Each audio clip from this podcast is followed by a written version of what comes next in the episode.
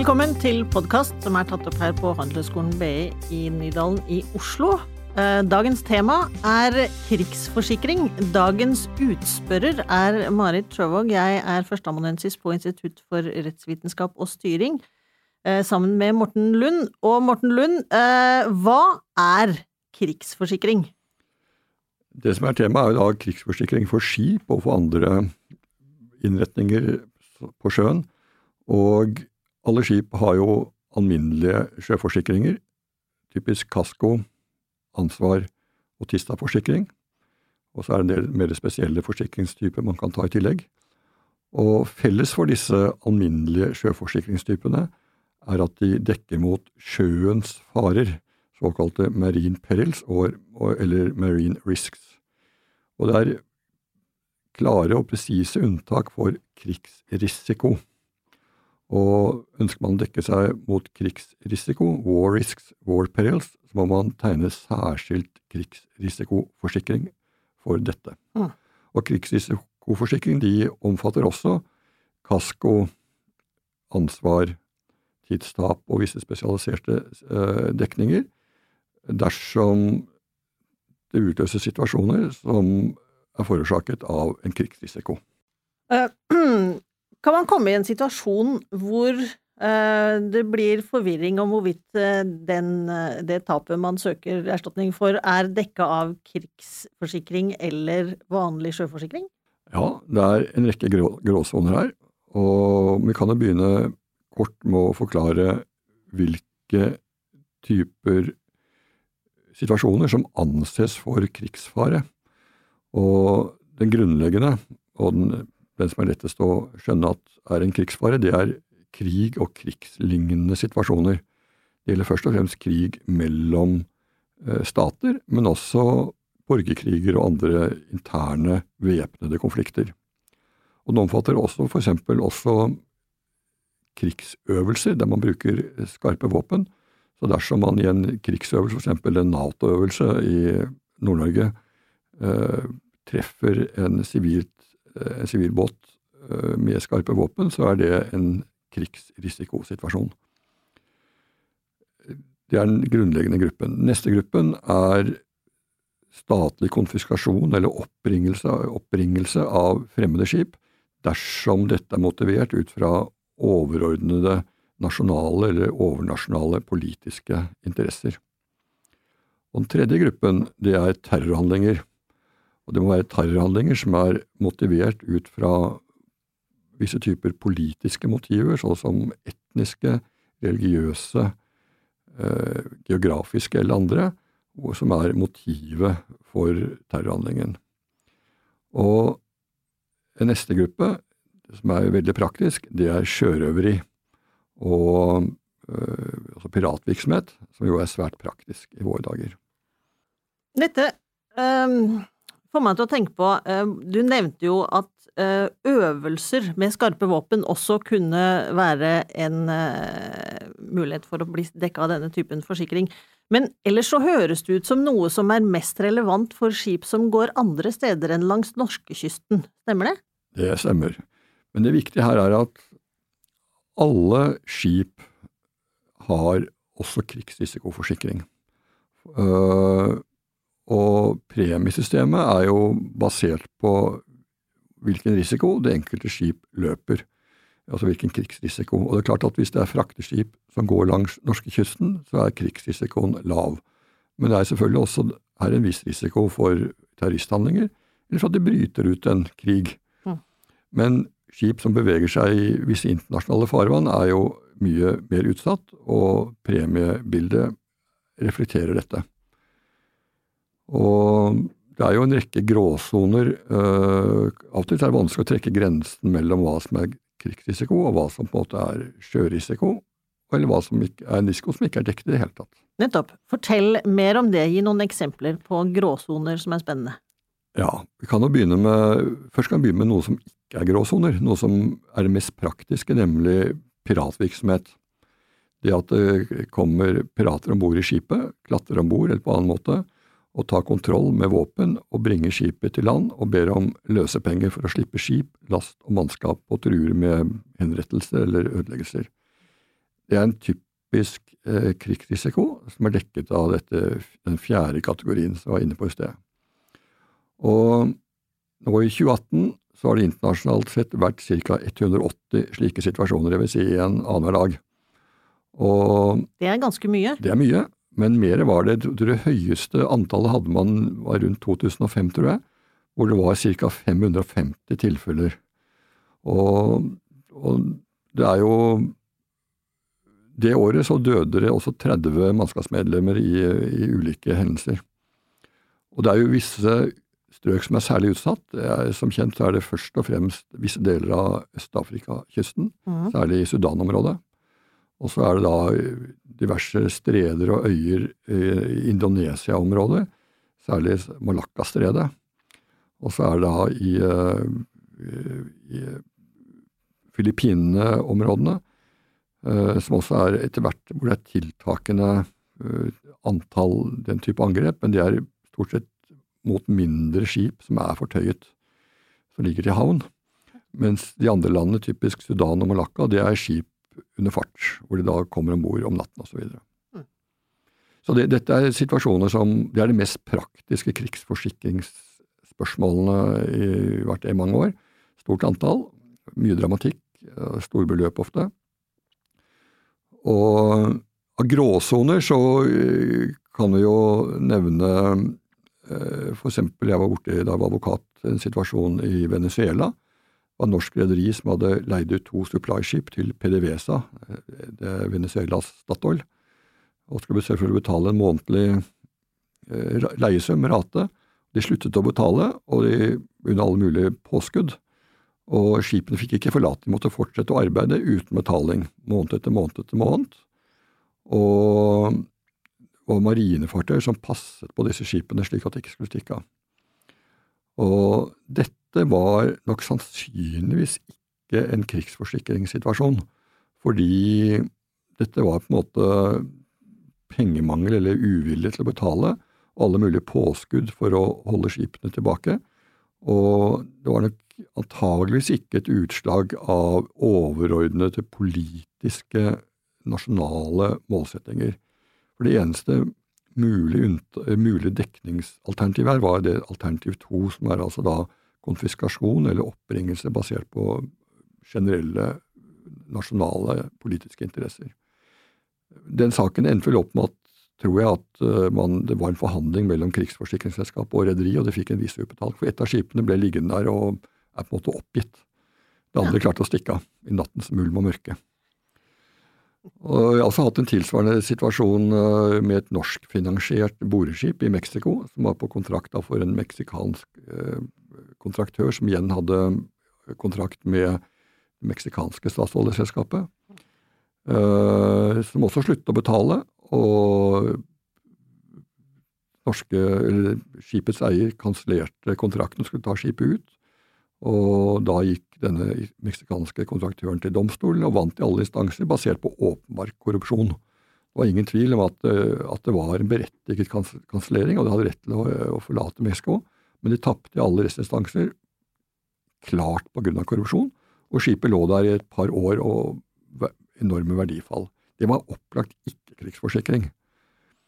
Hatt, det, er, det, er, en del sånne situasjoner, og da står det også uten form for dekning. Det er heller ikke dekning under alminnelige kasko eller alminnelige eh, tidstapsdekninger. Og dette er selvfølgelig heller ikke sjøens farer? Nei, det er ikke det. Så det er verken krigsfare eller sjøfare. Og det er ikke fysisk skade på skipet heller. Så hvem bærer tapet her? Det er de stakkars personene som har inngått kontrakt med den type mystiske operatører i de typer land. Det skal man passe seg for. Nettopp. Så det er kanskje lærdommen av dette her, er å passe på hvem du inngår kontrakt med. Ja, det er riktig.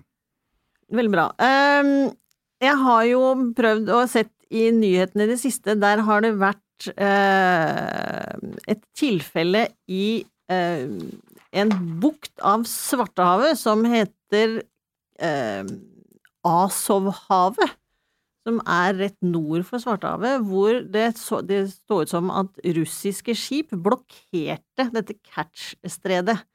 Eh, sannsynligvis i en krigshandling mot Ukraina. Ville dette, hvis du ligger i Asovhavet, vil du da være dekka av en krigsforsikring? Det er et interessant spørsmål. fordi i utgangspunktet, og det gjelder både for alminnelige sjøforsikring og for krigsforsikring for skip, så er man dekket mot fysisk skade på skipet, og man dekket mot tidstap som skyldes fysisk skade på skipet, altså man må reparere det fysiske skaden. Det er hovedregelen. Men så er det altså en klausul i denne tidstapsdekningen i krigsforsikring, og det er seg en ganske lik klausul også for alminnelig sjøforsikring, som sier at dersom man blir den såkalte trapping-klåsen, du blir altså fanget, trapped, inne i et område, og der heter det at hvis du er på grunn av en krigsfare forhindret fra å forlate en havn, eller, og så kommer et, et viktig uttrykk, et tilsvarende begrenset område, ja. så, og det skyldes altså en krigsfare, så vil du kunne få tidstapsdekning under krigsforsikringen. Men altså, det er tre vilkår som er oppfylt. For det første så må det da være en krigsfare. For det andre så må det området innesperret i være et såkalt tilsvarende begrenset område. Og for det tredje så er det jo slik at i alle typer forsikringer så er det en egenandel. Det er ofte et pengebeløp i kaskoforsikring og ansvarsforsikringer, så er det et antall dager eh, i eh, tidsdagforsikringer. Typisk f.eks. 20 dager. Så de første 20 dagene eh, så får de ikke dekning. Nei. Og I ditt eksempel så er det, å, så er det uaktuelt å fremme noe krav før det er overskredet egenandelsdagene. Men så kommer da spørsmålet er dette tilsvarende begrenset område. Det er det helt klart. Ja, fordi og, dette har en ganske én utgang. Ja, så det er ingen tvil om. Og det er, eh, og det er typisk disse, disse, The Great Lakes i USA, de store sjøene, eh, også ganske smal utgang, det er et typisk eksempel på et tilsvarende begrenset område. Det er også diskutert om eh, det må hete Persia-gulfen og den arabiske gulf. Ja. Om det er et tilsvarende begrenset område, det er det sannsynligvis. Det er et typisk gråsonespørsmål. Så i en sak så er det åpenbart dette er et tilsvarende begrenset område. Så, men, så det grunnleggende spørsmålet er dette en krigshandling eller ikke. Er det, kan man si at det er en krig eller krigslignende situasjon mellom Russland og Ukraina? Det er det som vil bli kjernespørsmålet dersom man overskrider overskrider disse dagene man har avtalt som egenandel. Og det er ikke lett å si. Ehm, det er jo ikke, det er jo ikke, det er ikke åpnet noe ild mellom partene. Nei. Men det er helt tydelig at en av partene mener at dette er krigslignende handlinger. Det er det. Så, og da vil man si kanskje hvordan det utvikler seg, men dette det, det, synes jeg var et, interessant og typisk grensetilfelle. Jeg er også spent på dette med hva som er et eh, avgrensa område, eller tilsvarende avgrensa område, var vel formuleringa du brukte. Uh, fordi du har jo nevnt for meg uh, en situasjon hvor det tilsvarende avgrensede området ikke var så veldig avgrensa i det hele tatt. Ja, dette er også en eh, litt kjent situasjon. Det var et, eh, et, et boreskip som lå utenfor Nigeria. Han boret et olje der. Og man skulle forlate dette området for å gå på et kontrakt et annet sted eh, om en måneds tid. Og, så, og, det er jo mye opp, opprørsbevegelser i dette området av Nigeria, fordi de mener at eh, det er forurensning, masse skadevirkninger. Alle inntektene går til andre personer enn de som bor i området. Så det er, det er militante styrker som skal bekjempe dette. Og Det kom en slik styrke ut på denne plattformen, kom om bord, hadde med våpen, truet med våpen. Og, men de oppførte seg veldig fint, og man, de fleste mannskapsmedlemmer ble sendt til land på en sivilisert og fin måte. De beholdt noen mannskapsmedlemmer for at de skulle beholde sikkerheten på plattformen men de ble behandlet vel. Men det var våpen om bord, og de truet også, og de stoppet da selvfølgelig hele boreprogrammet og sa til myndighetene at hvis dere kommer, så skyter dere. Så vi er her for å stanse denne virksomheten på denne plattformen. Og dette varte da i flere uker, ganske mange uker, og det medførte også at de mistet neste kontrakten, fordi de kom for sent til den kontrakten de skulle på.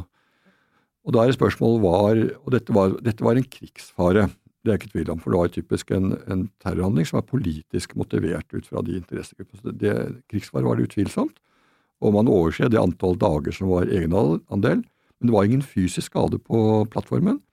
Så spørsmålet er da om de likevel kunne få tidstapsdekning, og da kreves det at, eh, at du blir forhindret fra å forlate en havn eller et tilsvarende avgrenset område.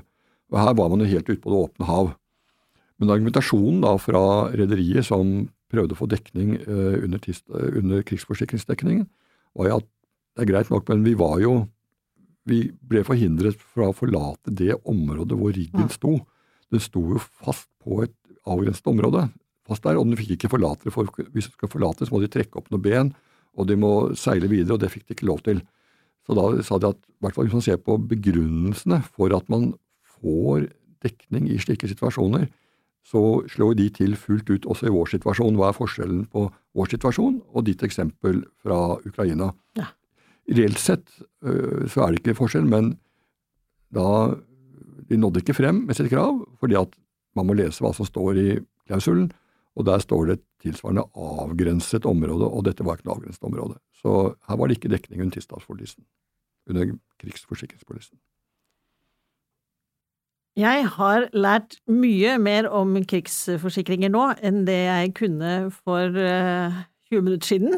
Uh, dette har vært veldig morsomt. Uh, jeg vet ikke, Har du noen avsluttende kommentarer du gjerne vil at studentene skal få med seg før vi runder av? Jeg kan jo si litt om altså, systemet for premieberegning og systemet For det er jo slik at disse krigsforsikringsselskapene de inndeler da verden i ulike soner, og avhengig av risikoen for å bli utsatt for en krigsfare. Og i de sonene hvor det er høy risiko, så betaler du høyere premier i de perioder hvor du beveger deg i de sonene. Så da kan du si at hvis et skip da en sjelden gang skal passere de deler av Øst-Afrika-kysten hvor det er risiko, så betaler en høy premie for den perioden, de gangene de passerer de feltene. Men det er ikke en permanent høyere premienivå, det er når du går inn og ut av de sonene, og det er forskjellige risikovurderinger for de enkelte sonene, og i høy risiko i høyere premier i de periodene det er i sonene. Hvem er det som gjør disse risikovurderingene? Ja, det er krigsforsikringsselskapene selv, og som gjør løpende disse vurderingene. Men det er slik at disse krigs... Det er jo det, det norske eh, Den eneste nordiske tilbyderen av krigsrisikodekning er en norsk såkalt gjensidig forening. Eh, norske krigsforsikring for skip. Og Der sitter jo rederiene i de styrende organer og er med på de diskusjonene, men i prinsippet så er det forsikringsgiveren, altså forsikringstilbyderen, som bestemmer dette. Og øh, Det er altså slik at når man skal da inn øh, i særlig risikofylte farvann, så blir man så pålagt visse typer sikkerhetsforskrifter eller andre dels retningslinjer, som er som gode råd, og dels bindende sikkerhetsforskrifter. Og Bryter man de, så kan det gå utover dekningen. Det er typisk hvis man går gjennom eh, somaliske farvann osv., at man må da være så og så langt utenfor kysten. Man må ha en høy fart, ikke under den, den farten. Det er vanskelig å komme om bord selvfølgelig med høy fart. Skal helst bevege seg der eh, i dagslys om mulig. Man skal ha store lyskaster om bord for å lyse ned siden det kommer små hurtigbåter. Og man skal ha diverse typer slagvåpen for å bruke, kaste nedover skipssidene dersom de begynner å klatre opp og vannkanoner og våpen i visse områder. Så, det, så det er, dels er det et premiespørsmål, og dels er det et, et, eh, spørsmål om tiltak for å redusere risikoen i disse utsatte områdene. Og krigsrisikopremien for skip som ofte beveger seg i slike farvann, er jo høyere. Og det var en periode også etter 11. september uh, hvor man begynte å bli veldig redd for mulige angrep mot store cruiseskip, særlig i Karibien, hvor det var masse amerikanske turister, kanskje 5000-7000 på et skip, hvor man, det ble kjempehøye premier for den type, i en periode for den type cruiseskip. Og mange av disse krigsforsikringstilbyderne de ønsket egentlig ikke å ha den type skip i sin portefølje i hele tatt, for risikoen var rett og slett for stor.